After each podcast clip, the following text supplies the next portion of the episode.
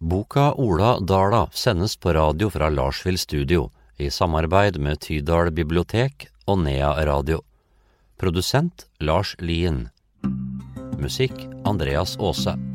Den historiske romanen blir lest av forfatteren Odd Håvard Morseth.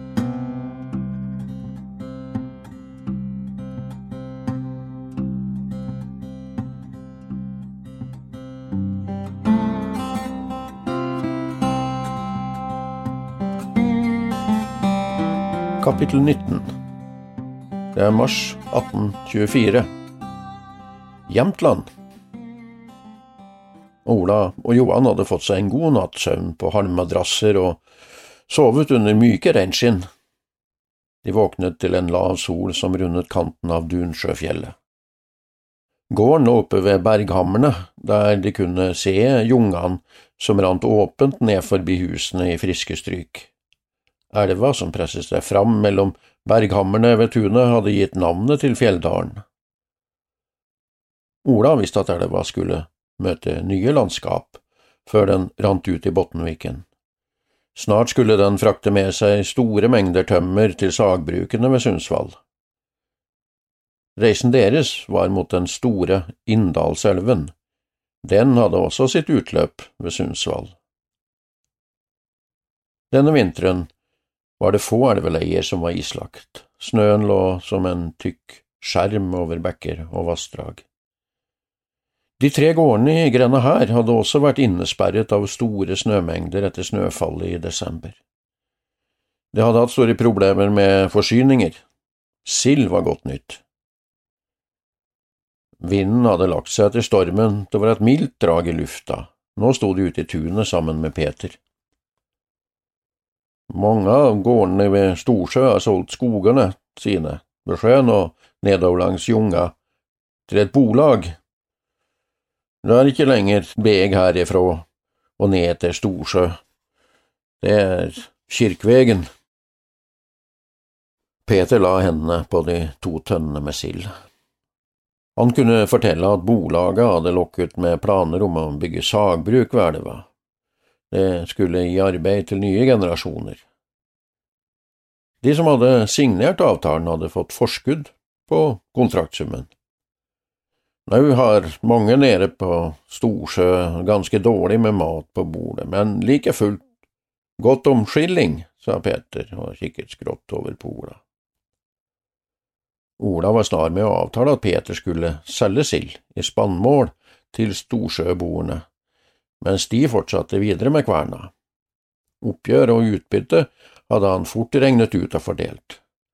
Om salget gikk som planlagt, skulle det bli godt med gratis sild på folkene i gården her og noen ekstra skilling i egen lomme. Det så ut til at den tunge lasten med sild av litt ringe kvalitet fra E. Dahls enke kom godt med, både her og der. Nå trengte de anvisning av kjøreleia og himmelretning for den videre ferden mot Stugun. Peter fortalte at det var kjørt med hest ut til Persåsen, derfra kunne det være strekninger med gode kjøreveier. De måtte krysse over Storsjøen og kanskje kjøre om Olavskjelland og Pilegrimstad, Peter var ikke sikker. Han hadde aldri vært der, ikke så langt innover i Jämtland. Det måtte være usikker is på de store sjøene i lavlandet denne vinteren. Elvene var farlige under snølaget.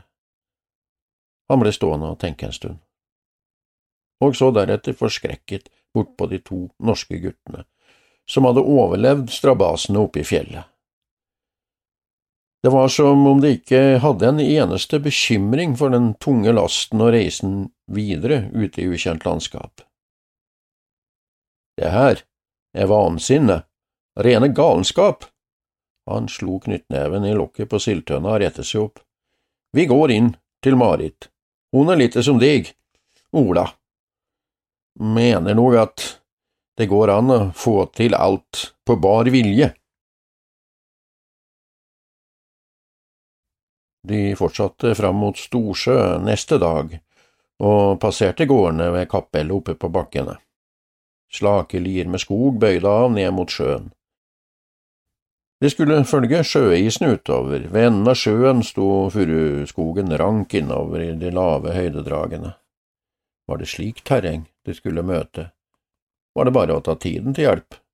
Det her var ingen sak. Det var både trygt og lunt å kjøre gjennom furuskogen og følge den smale slepa som snodde seg fram. Ola ble sittende og se på de lange, slanke stammene med grønne furukroner lå som stille lokk mot himmelen. Det her var tømmer han skulle hatt og bygd opp gården med. Godt og kvistfritt hustømmer stokmarsjert i alle lier. Her hadde det ikke vært mange kølbrennere på ferde. Ingen bygde hus, og ingen smeltet malm. Det var bare skog. Han hadde aldri sett noe lignende. De kjørte gjennom den øde skogen hele denne dagen, bare avbrutt av åpne myrstrekninger og noen smale sjøer. De var heldige som hadde kjørespor etter kjentfolk å følge. Reisa gjennom høgfjellet hadde tæret på, men nå var de i godt humør igjen. De hadde fortsatt ingen svar på hvor mange dager det tok å kjøre til Stugun, Dagene måtte bare komme som de kom. Det skulle nå de første husene på høydedraget ved Garlåbodene, men dit nådde de ikke før neste dag. Ved frokosten hadde Peter ment at det antagelig var pilegrimsleden som var oppkjørt. Det var den vanligste vintervegen. Han mente at de burde klare å nå en boplass ved åen Løva før kveld. Han hadde forklart at det var en koie og et uthus der som de kunne stalle opp i. Plassen Løvdal var forlatt. Ola hadde sett bort på Marit, men hun så ikke ut til å ha noen kjennskap til plassen. Han måtte fortelle hva Gammel-Halvor hadde snakket om. Løvdal, det er jo der Gammel-Halvor og Ingeborg startet som bureisere, men de flyttet tilbake til Meslingen etter noen år Mot kveld kjørte de inn under de runde åsene like ved Løvdal. Den lave kveldssola lyste opp pilegrimsberget. Peter mente at det hadde ligget en pilegrimsstue ved foten av den runde åsen like nedenfor Løvdal. De fant fram til Løvdal.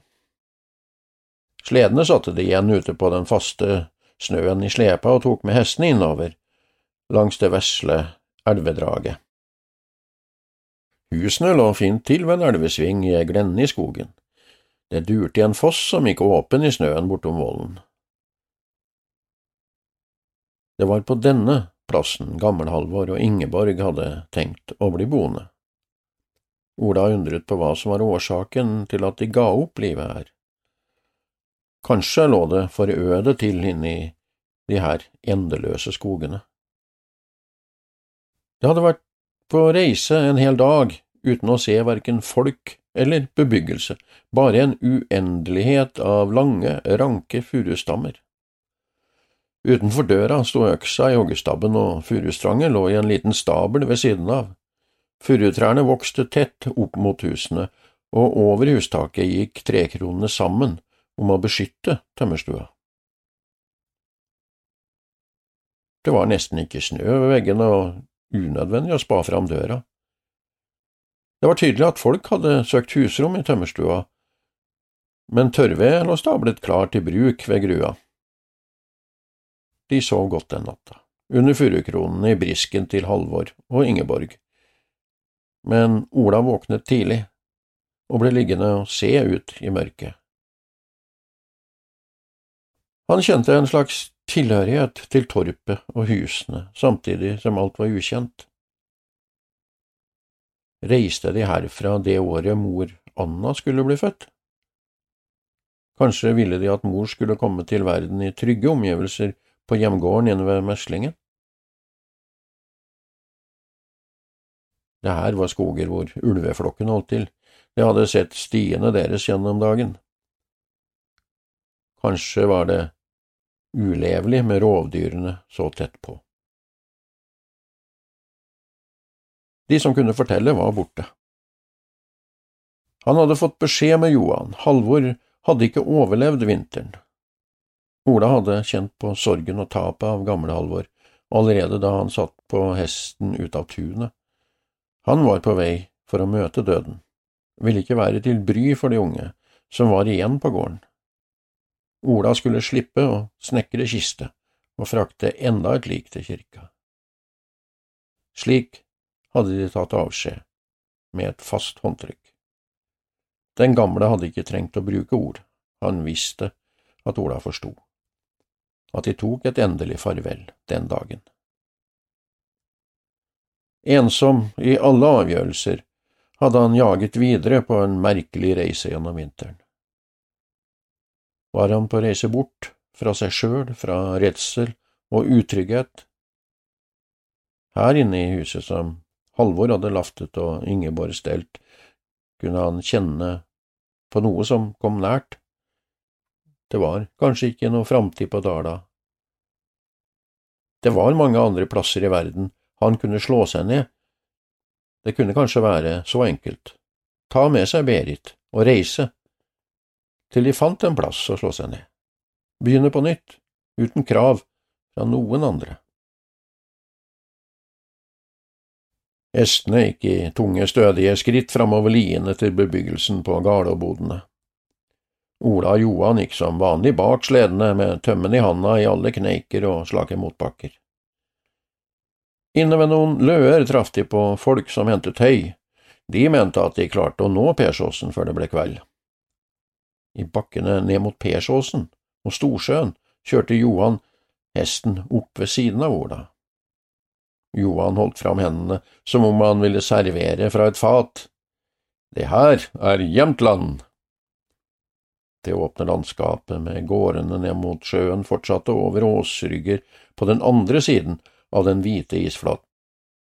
Gårder og hus lå ute på nes og opp fra viker, i det lave kveldslyset rundt den store sjøen. Ola nikket og smilte.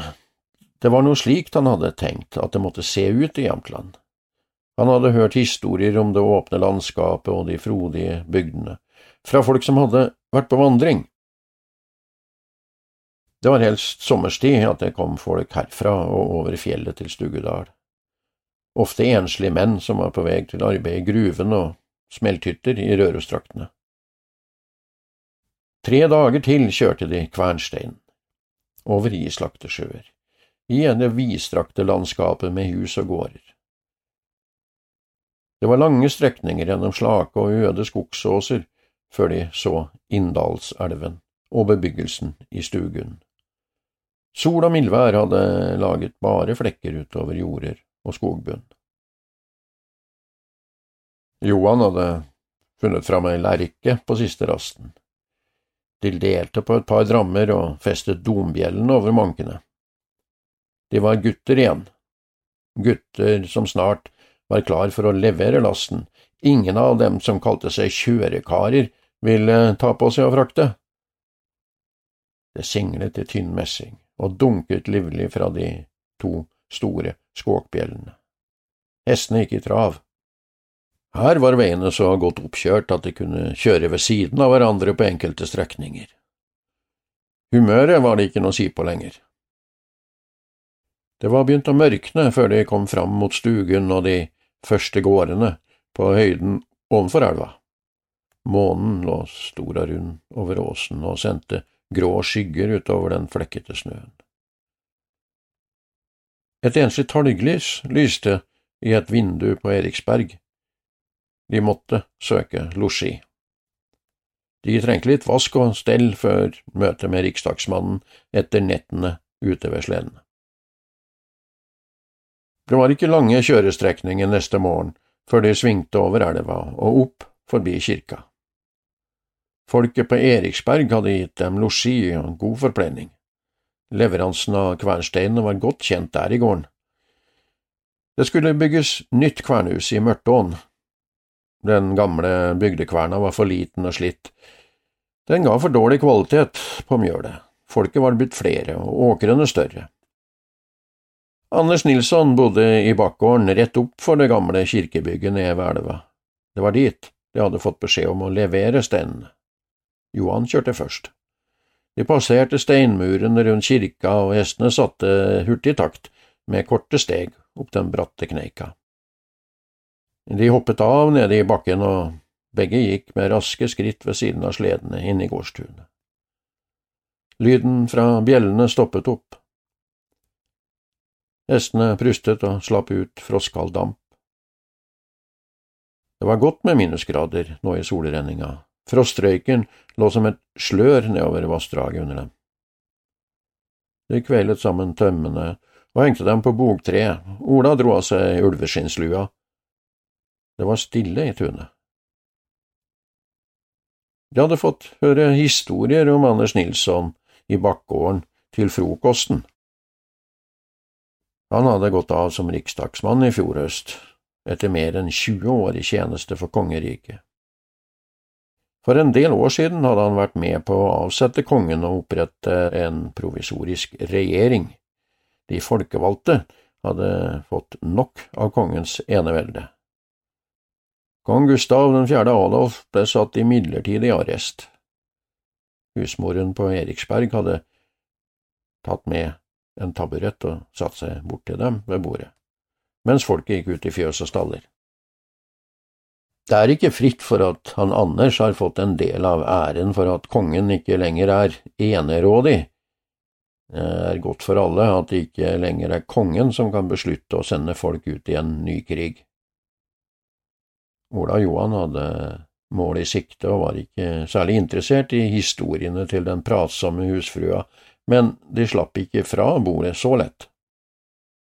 Han Anders har nå giftet seg på nytt for noen år siden, med prestenka Agneta i nabogården Østeråker. Han var 70 år det året han ble far til Anders junior. Ja, han òg var enkemann og har en datter fra før, Erika Bakkerika, er en voksen dame som har bestyrt det meste i bakgården etter at moren døde. Hun hadde skubbet knakken enda nærmere bordet og satt hendene i bordkanten og sett på de to guttene etter tur, som om hun skulle til å røpe en hemmelighet. De runde kinnene blusset litt opp i den hvite huden. Det disset lett i dobbertaken da hun satte i en latter. Det sies at den egentlige årsaken til at riksdagsmannen Nilsson var med på å sette kongen i arrest, var helt andre motiver. Det er visst mange som kan stå inne for at dronningen hadde tatt Anders inn i sitt kammer som sin elsker. Med en konge bak låste dører fikk han fri tilgang til dronning Hedvig Elisabeth Charlotta von Oldenburg og hennes private gemakker i slottet. Det måtte være Anders Nilsson som kom ut på trappa. Før han hilste, ropte han Morten over tunet mot stallen. Jaha, der er de endelig. Det var på høg tid, og langt utpå vinteren. Kom inn. Morten kom subbende fra stallen i knehøye støvler, den grå filtlua hang langt ned i øynene. Han tok over ansvaret for hestene, uten at et ord ble sagt. Det var ikke så mye som minnet om en dronning dronningbeiler ved Anders Nilsson. Linskjorta var uten snipp, bukseselene hang ned langs bukselårene, på beina hadde han ulladder.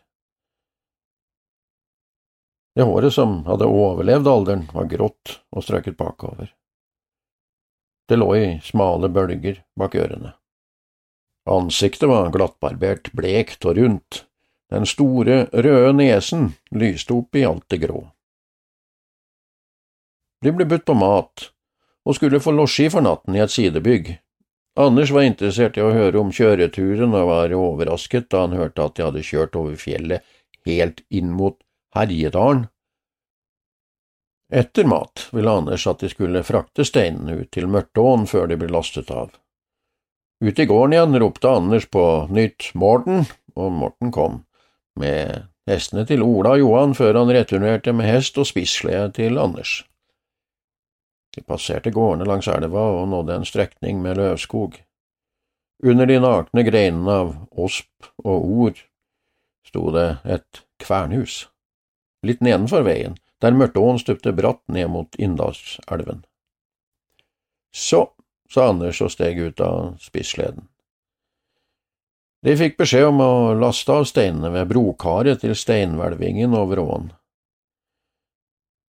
De hadde med brekkstenger og klarte etter hvert å svinge de tunge steinene ned i skråningen.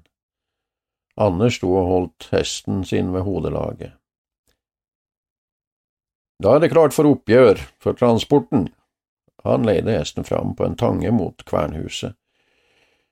Bak portene, der, sto det to tønner med hvete og fire tønner med rug. Ola og Johan lastet opp tønnene i sledene.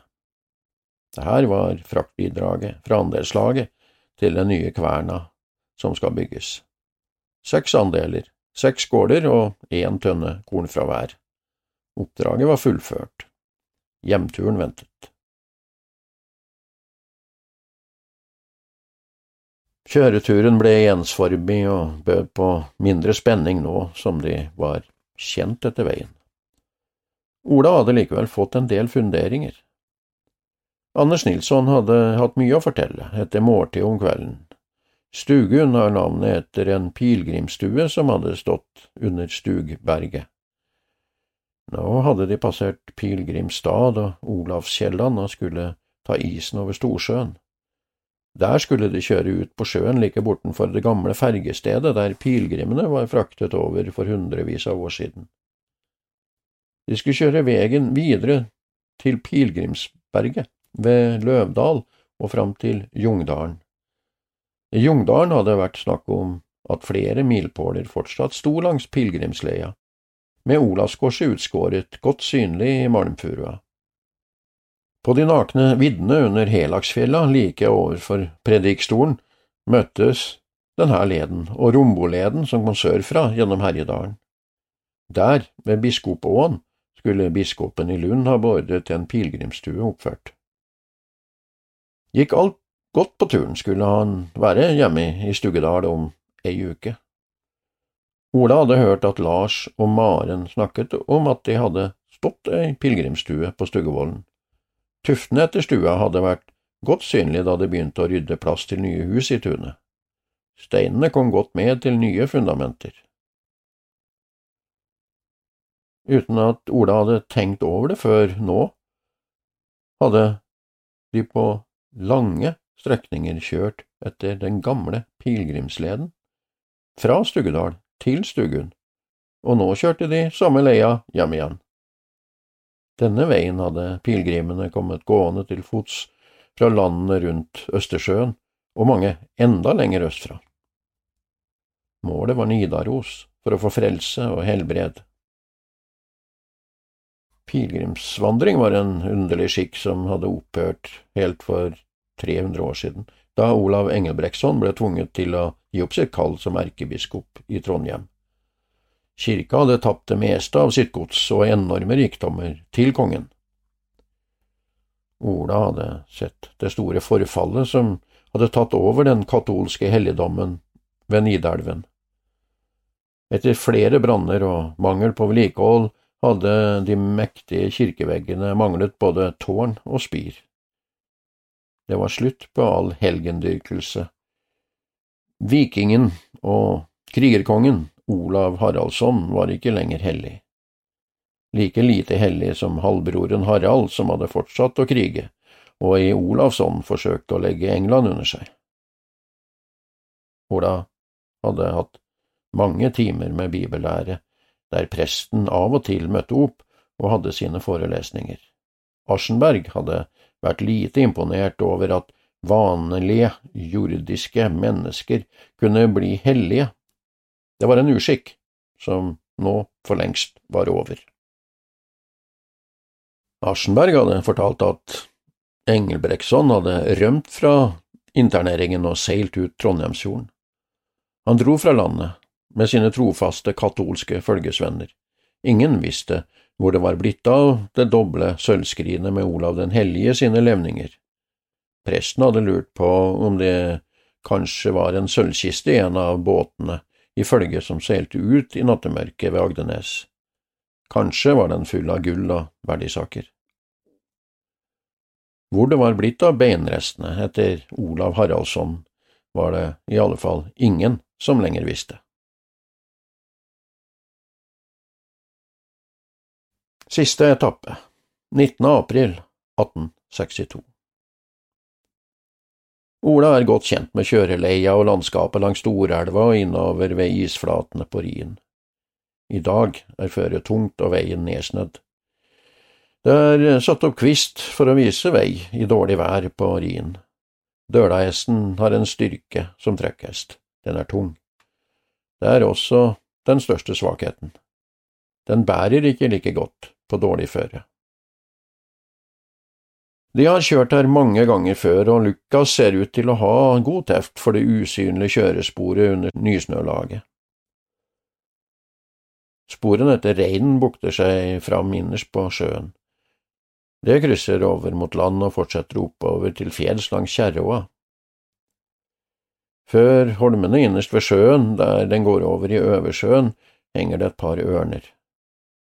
Der er det alltid et område med usikker is. Før de når dit, svinger Ola av sjøen og innover knausene mot sørenden av Langen. Han vil kjøre ned Mørsadalen og fram til gården. Hesten er svett og puster tungt. Det er tid for en lengre rast. Det er vante hender som løsner på seletøyet og tar av hodelaget. Ola setter hesten i tamp en ladning høy og en god neve havre serveres på snøen, sammen med et par klapp på halsen og litt lufting av mana. Det er ikke så ofte det skjer, men nå drar Ola lerretsduken av lasset. Han bretter den sammen borte på en rabbe. Varmen og godværet inviterer på en hvil. Han knepper opp frakken, skinnbuksa er varm. Han blir liggende og se på snøen som smelter fra kvistene i ei bjørk. Det er umulig å se at snøen minker, men dråpene som henger som små perler under greinene, slipper taket, én for én. Det vokser fram nye, blanke dråper som lager små speil av verden rundt seg, før de igjen slipper taket. Dråpene er borte så snart de lander lydløst i snøen. Av snø og til snø. Det er kort vei mellom fødsel og død for en dråpe vann. For noen timer siden dalte det samme vannet ned som snøfnugg i de mest kunstferdige rosetter, individ for individ, ingen lik det andre. Tilfeldig landet noen på greinene i denne bjørka. Noen har sagt at Speilet i vanndråpen er opp ned. Han har aldri brydd seg med å se etter. Det er mangt i verden som ikke kan forklares. Før var det så mye han gjerne ville forstå, nå er det enklere bare å godta. Det er bare slik det er, en vanndråpe vann på en naken kvist, som forsvinner med en verden som henger opp ned. Anne hadde forsvunnet mens de første snøfjonene danset gjennom lufta en septemberdag. Han hadde ikke klart å holde henne hjemme lenger. Hun tok en stor byll på ryggen og gikk over fjellene til Jungdalen og storsøster Marit. Likkjalvor reiste han også året etter. Han hadde fått plass som tjenestegutt på Fossan like etter at han var konfirmert. Nå bodde begge i Jämtland. Anna hadde giftet seg med Lars Persson og bosatt seg sammen med søsteren i Jungdalen. Det var Gammel-Halvor som hadde fått dråpen til å henge lengst på kvisten. Underfundig og merkelig hadde meldingen til Likkjalvor dukket opp inne i fela den lørdagen han spilte i bryllupet på Fossan. Lars Berr Svendsen hadde stelt i tre dagers bryllup i tunet på Fossan den forsommeren. Ingeborg var født høsten før, Ola og Berit var blitt foreldre, Berit sto brud, slank over midja, trinn over bringa, stakken bøyde seg vid og rund over hoftene i dansen på tunet. Halvor hadde stått og spilt så vakkert i kveldssola. Etterpå ble de to brødrene sittende ved siden av hverandre på kjøreplankene oppe på låvebrua. Halvor strøk buen med harpiks.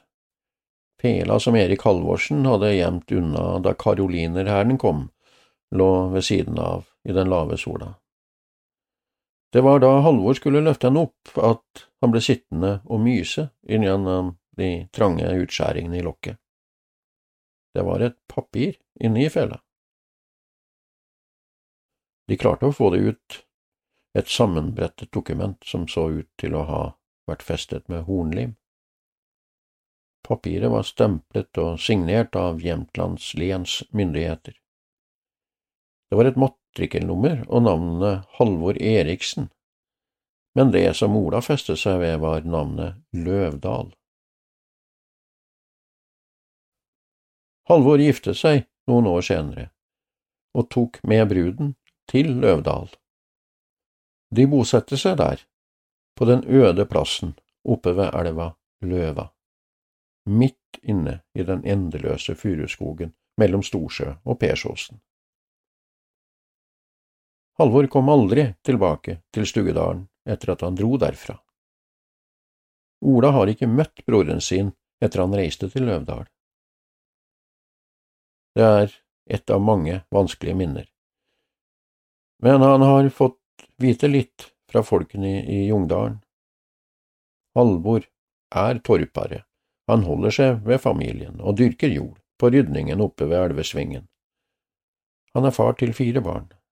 Ola har lært seg navnene deres, Anna, Emrik, Peder og Lars. Det er eneste måten han kan være nær broren sin på. Ola reiser seg litt stivt opp fra lerretsduken. Svaret på tilfeldigheten i livet ligger kanskje i snøfnuggenes dans mot en kvist. Det er på tide å ta fatt på siste etappen hjem til gården.